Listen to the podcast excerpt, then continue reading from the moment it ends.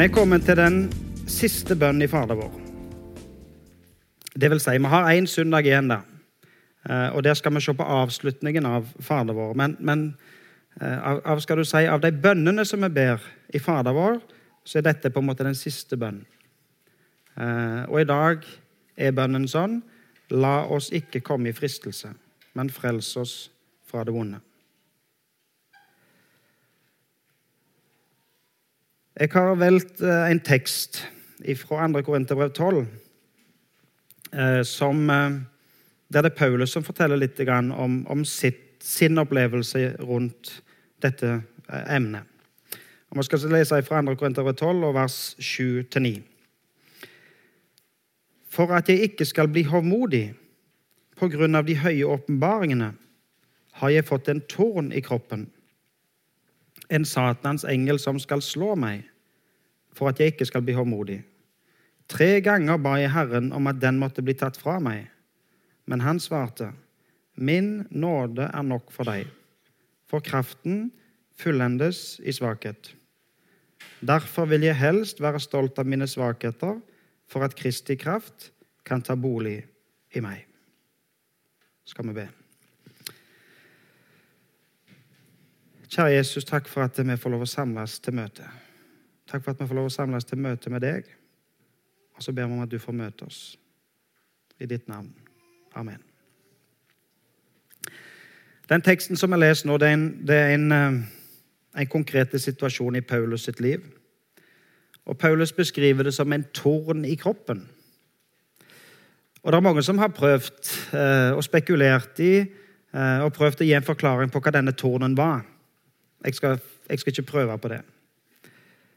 Men i alle fall så ber Paulus til Gud om å få slippe. Det er noe i Paulus sitt liv som han ønsker å slippe. Og han ber Gud om å ta det ifra ham. På samme måte som vi ber til Gud la oss ikke komme i fristelse. Nå er det så at når jeg lærte Fader vår når jeg var mindre, så, så var oversettelsen sånn Led oss ikke inn i fristelse. Og i dag, i den oversettelsen vi har fra 2011, så står det 'la oss ikke komme i fristelse'. Den oversettelsen som sier 'led oss ikke inn i fristelse', er jo den oversettelsen kanskje som vi er vant med, og som vi har hatt i, i de bibelutgavene som vi har hatt tidligere, og som jeg kjenner til. Og, og på andre språk så er det oversett sånn 'Led oss ikke inn i fristelse'. Og Nå er ikke jeg bibeloversetter, og jeg er ikke ekspert på, på gresk og på grunntekst og oversettelse. og sånn, men språklig så kan jeg jo forstå at det høres bedre ut å si 'la oss ikke komme i fristelse', i plassen for å si 'led oss ikke inn i fristelse'. Og så har det gjerne noe med hvordan vi tenker rundt det. La oss ikke komme, eller led oss ikke. Akkurat oversettelse skal ikke jeg si noe om.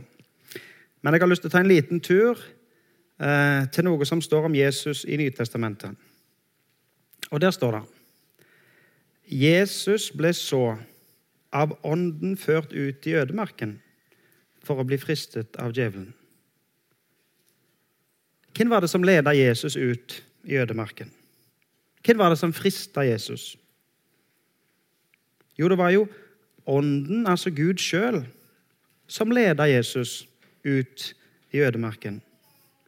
Og så var det djevelen som i ødemarken frista Jesus.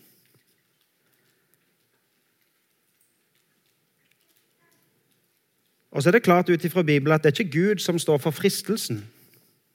Der står i Jakobs brev, kapittel 1, vers 13, så står det at 'Gud frister ingen'. Men hvordan kan vi da si 'led oss ikke ut i fristelse'? Jeg skal prøve å ta en liten omvei for å svare på spørsmålet. Hvem ønsker du å bli ledet av? Hvem ønsker du skal ha ledelsen i ditt liv? Ønsker du Guds ledelse i ditt liv? Og du som har tatt imot Jesus som frelser og som herre, ønsker du å leve i hans ledelse med livet ditt? Hva som gjør at Gina og Øystein kommer med en avilde i dag og ber henne fram til Jesus? Hvorfor vil de at Jesus skal, skal ta imot henne? Hvorfor vil de at Jesus skal være frelser og herre? Jo, de kommer jo fordi at de ønsker at Jesus skal få lov å være hennes herre og lede henne hele livet. At han skal få lov å være frelser og herre i hennes liv. Og at hun skal få lov å leve livet sitt i lag med Jesus. Og vi som forsamling vi reiser oss høytidelig, gjorde det i dåpshandlingen her, og så sier vi 'Jeg forsaker djevelen'. Det er ingenting med han å gjøre.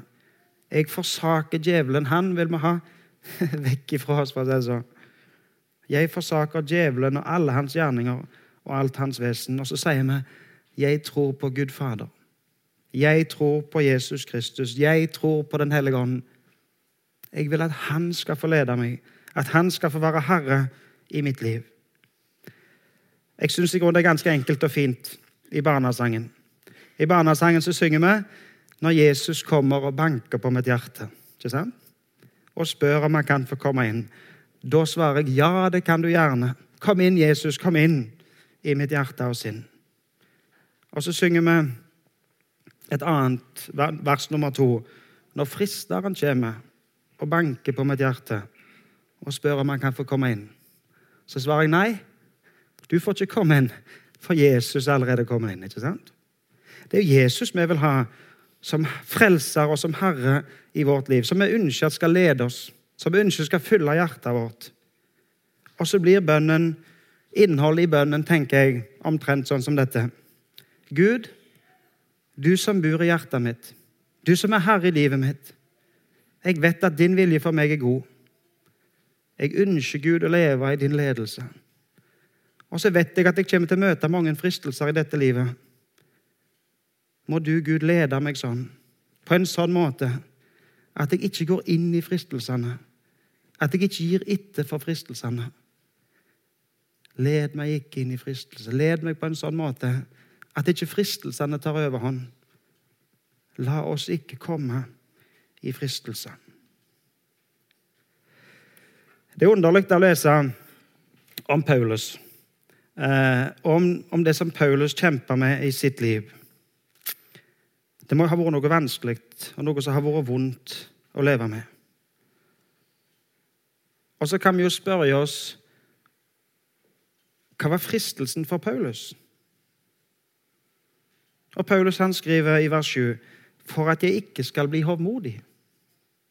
For at jeg ikke skal bli hovmodig. Faktisk to ganger skriver han det. Paulus var jo en lærd mann. Paulus hadde jo under, øh, si, fått undervisning og, og, fått utdannelse som ingen andre på den tid, nesten.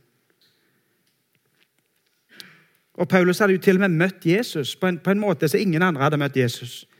Jesus hadde åpenbart seg for Paulus på en meget spesiell måte. Han hadde høye åpenbaringer, skriver han sjøl. Og så hadde jo Paulus utretta store ting.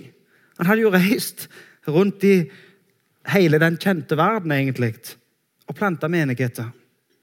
Han hadde jo gjort større ting enn noen andre. Og han var høyt akta, og mange søkte Paulus sitt råd. Det er klart det var lett å bli hovmodig. Det var klart at Paulus hadde mye makt. Det var klart at Paulus kunne få til det han ville få til. Det var lett for Paulus å bli hovmodig. Og så er det for så vidt ikke bare i kristen virksomhet det er lett å bli hovmodig. Hovmod, det å opphøye seg sjøl, det å ville stå i fremste rekke, det å ville at andre skal se på deg, det er en fristelse for noen og enhver av oss. Og Paulus hadde en torn i kroppen. Han beskriver det som en Satans engel som skal slå meg. Og så vet vi ikke hva, det, hva akkurat det dreier seg om, men det er iallfall noe som har vært vanskelig for Paulus. Noe som har vært vondt for Paulus. Og så ber han om at den må bli tatt vekk. For å si det med Fader vår, Fader vår, led meg vekk ifra dette, Gud. Men så svarer Gud til Paulus. Gud svarer på bønn, men han svarer ikke sånn som Paulus vil. For Gud svarer Min nåde er nok for deg. Min nåde er nok for deg. Gud tillot egentlig at dette skulle skje med Paulus. Selv om det var ikke, det var ikke Gud som, som, utførte det vonde, for å si det sånn. Paulus beskriver det jo som en Satans engel som slår han. Det var ikke Gud som, som utførte det vonde, men Gud tillot at det skulle skje. Og hvorfor gjorde han det? Jo, for at Paulus skulle klynge seg til Gud og til Guds nåde. Gud svarte, 'Min nåde er nok for deg'. Vi skal lese en annen tekst som handler om fristelse. Han står også i møtefolderen hvis du, vil, hvis du vil se på han der, eller streke under, eller hva du vil gjøre. Men det står i Jakobs brev 1, og vers 12-15. Salig er det mennesket som holder ut i fristelser. For når han har stått sin prøve, skal han få livets seierskrans, som Gud har lovet dem som elsker ham. Ingen som blir fristet, må si det er Gud som frister meg. For Gud fristes ikke av det vonde, og selv frister han ingen. Alle blir fristet av sitt eget begjær, som lokker og drar. Når lysten er blitt svanger, føder den synd, og når synden er moden, føder den død. Hva er det som frister? Jo, det står her Gud frister ingen. Men alle blir hva da?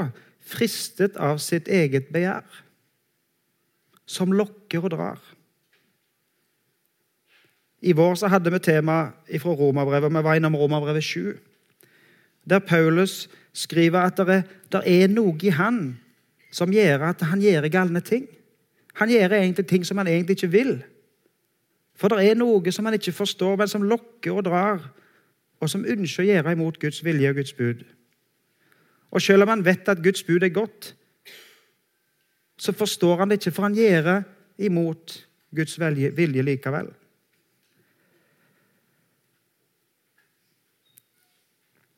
Jeg syns det var utrolig interessant å finne denne historien fra en som heter Augustin, som levde på slutten av 300-tallet inn i 400-tallet.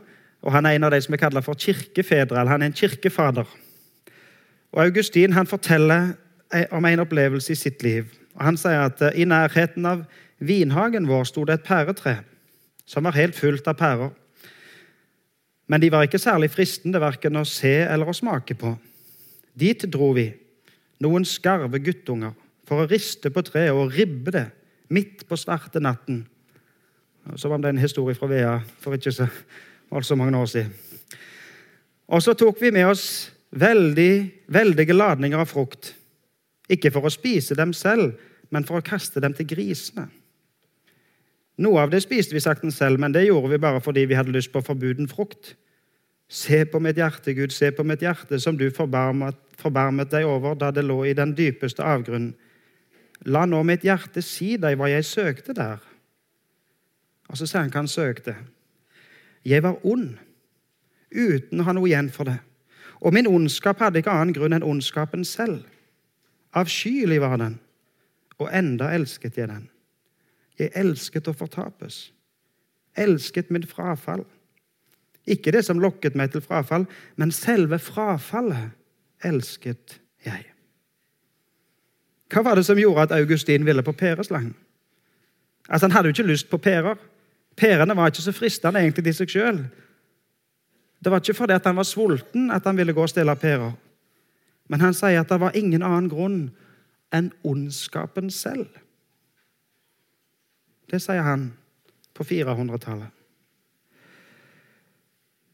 Nå sitter det noen som var konfirmanter her i fjor. vet ikke, det har noen som er konfirmanter her dette året. har også sett. Og, og, I gamle dager så måtte konfirmantene pugge noe som de kaller for katekismen. Jeg vet ikke om det er noen som er så gamle at de har pugga katekismen, men eh, fall så måtte de det i gamle dager.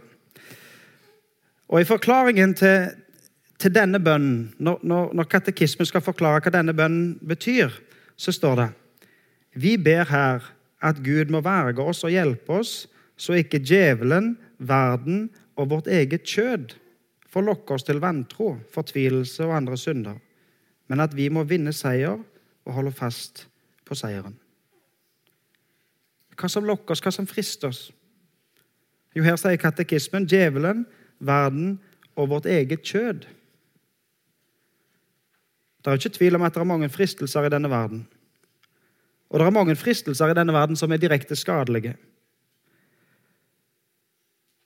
Og som er tydelig skadelige. Men det er andre fristelser som i seg sjøl kan være gode ting. Men det er ikke godt lenger når det blir det eneste du er opptatt av, når det blir en besettelse, når det blir noe som tar kontroll i livet ditt. La meg ta et sånn banalt eksempel. Det er jo sunt å trene. Selvsagt er det sunt å trene. Men du kan faktisk få et usunt forhold til trening.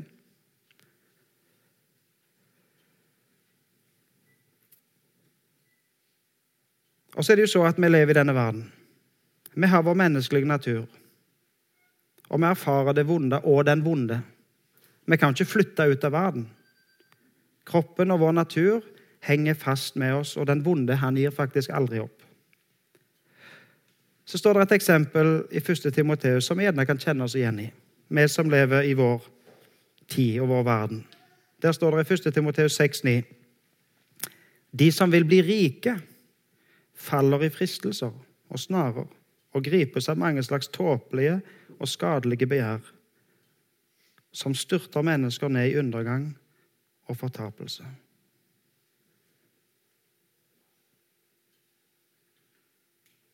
Det er mange ting som i utgangspunktet ser fint og flott og godt ut, og som er godt ord, for så vidt, men som når det får overtak, og når det blir det som kontrollerer oss, gjør at det faktisk blir en fristelse og som, som fører oss vekk ifra Jesus heller enn å føre oss nærmere Jesus. Jeg syns det er interessant å registrere at vi ber 'la oss ikke komme i fristelse', men 'frels oss fra det vonde'. Det er skrevet til oss i flertall. La oss ikke komme i fristelse, men frels oss fra det vonde. Altså Det er en bønn som vi ber i flertall. Det handler om oss. Det handler om meg og deg i lag. Vi som bekjenner troen på Jesus. Og når jeg og du ber i lag, la oss ikke komme i fristelse, så har på en måte du et ansvar for meg.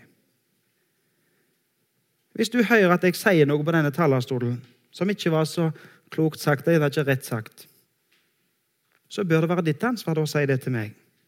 La oss det være ikke helt rett eller klokt sagt. Hvis du ser at jeg lever livet mitt på en måte som er skadelig, som ikke er bra for meg, så tenk, da er det jo ditt ansvar å komme og si det til meg. Hvis du hører rykter om meg på bygda, at folk sier at ja, men han gjør så og så, så gjerne du heller bør komme til meg og fortelle at jeg hører så og så, heller enn å fortelle det videre til andre. Og så er det jo forholdsvis lett for meg da, å, å be deg om det. Det er lett for meg å si at jeg ønsker at du kommer til meg og sier ifra til meg. Men jeg må òg være klar over at jeg, jeg skal yte samme omsorg overfor deg. Og så tenker jeg, Man tror om det er mulig at vi her på huset får til å ha det sånn at vi i omsorg for hverandre ber denne bønnen sammen. La oss ikke komme i fristelse, men frels oss fra det vonde. Trenger vi det? Vi lever jo i en kultur der vi er opptatt av individet, vi er opptatt av oss sjøl, vi er opptatt av den enkelte. Trenger vi at noen holder oss til ansvar? Vi skal ikke så mange, år, så mange tiår tilbake i vår historie, i vår kultur, faktisk, for å se at det faktisk var mulig at et helt folk ble forført. Og et helt folk tok livet av hva var det, seks millioner jøder i konsentrasjonsleirer. Var de dummere enn oss? Var de dårligere utrustet enn oss? Hvorfor sa ingen ifra den gangen, når så mange ble forført til tru at de gjorde noe bra?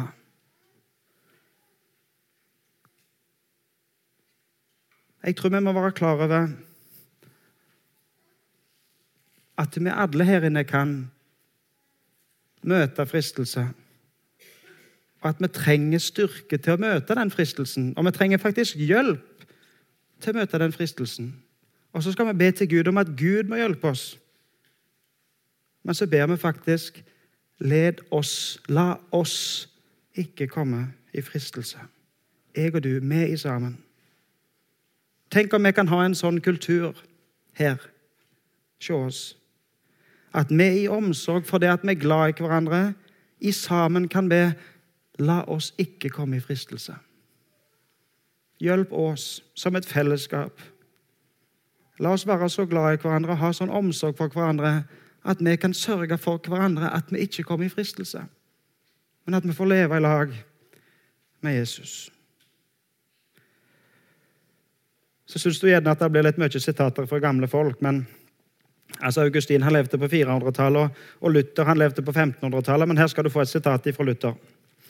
Han skriver i sin store katekisme at det er to vidt forskjellige ting. På den ene side å føle fristelse, og på den andre side å følge den og si ja til den. Føle fristelse er noe vi alle må. Om ikke alle på samme måte og i samme grad. Således blir ungdommen særlig fristet av kjødet. Interessant å se hvordan Luther beskriver det.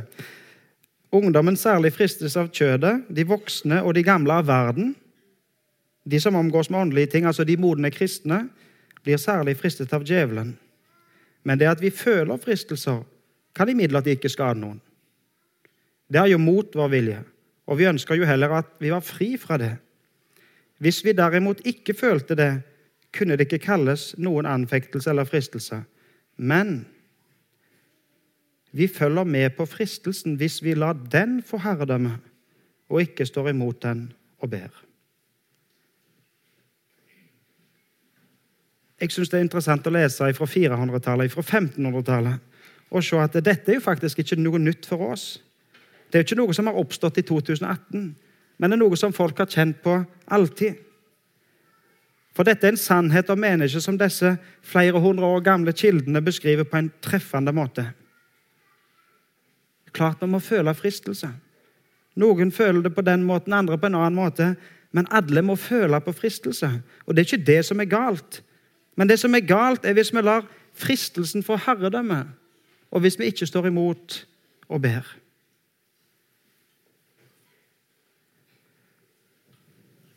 Hva blir da vår redning? Hva blir da vår trøst?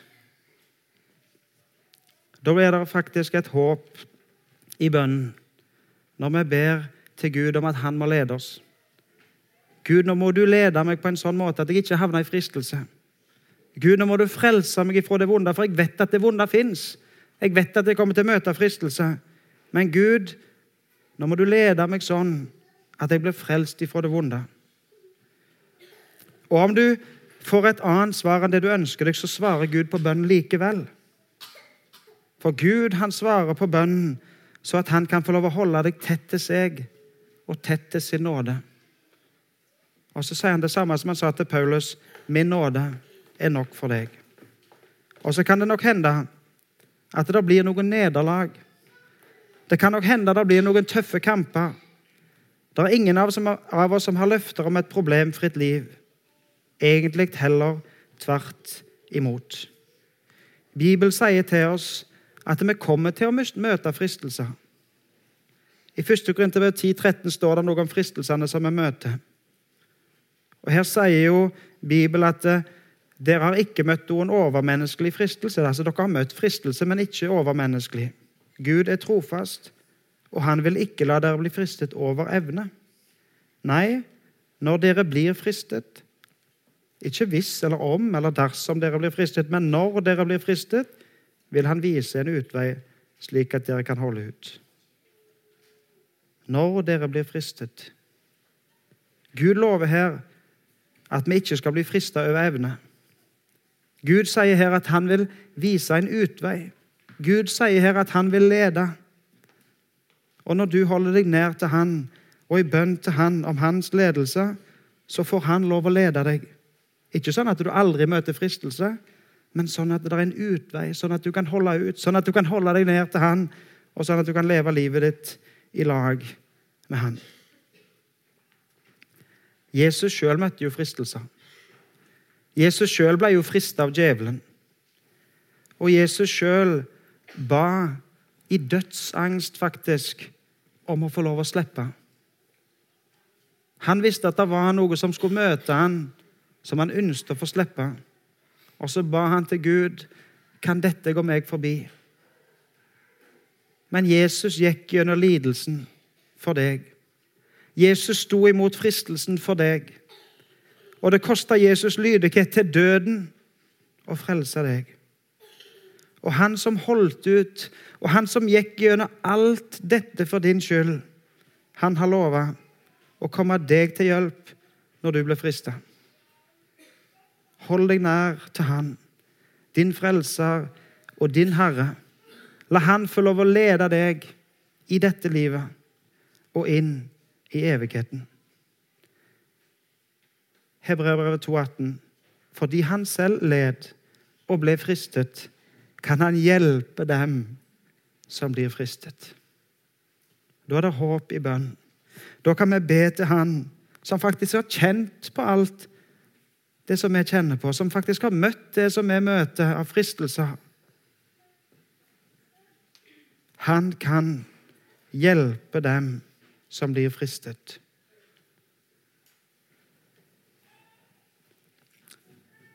Nå har jeg lyst til å be korte bønn, sånn som jeg har gjort de siste par gangene. Og Når jeg har bedt deg korte bønn, så lar jeg det være stilt, sånn at du kan be for deg sjøl. Nå har du fått et bønnekort for dåpsbarnet. Der står flere bønneemner bak på møtefolderen.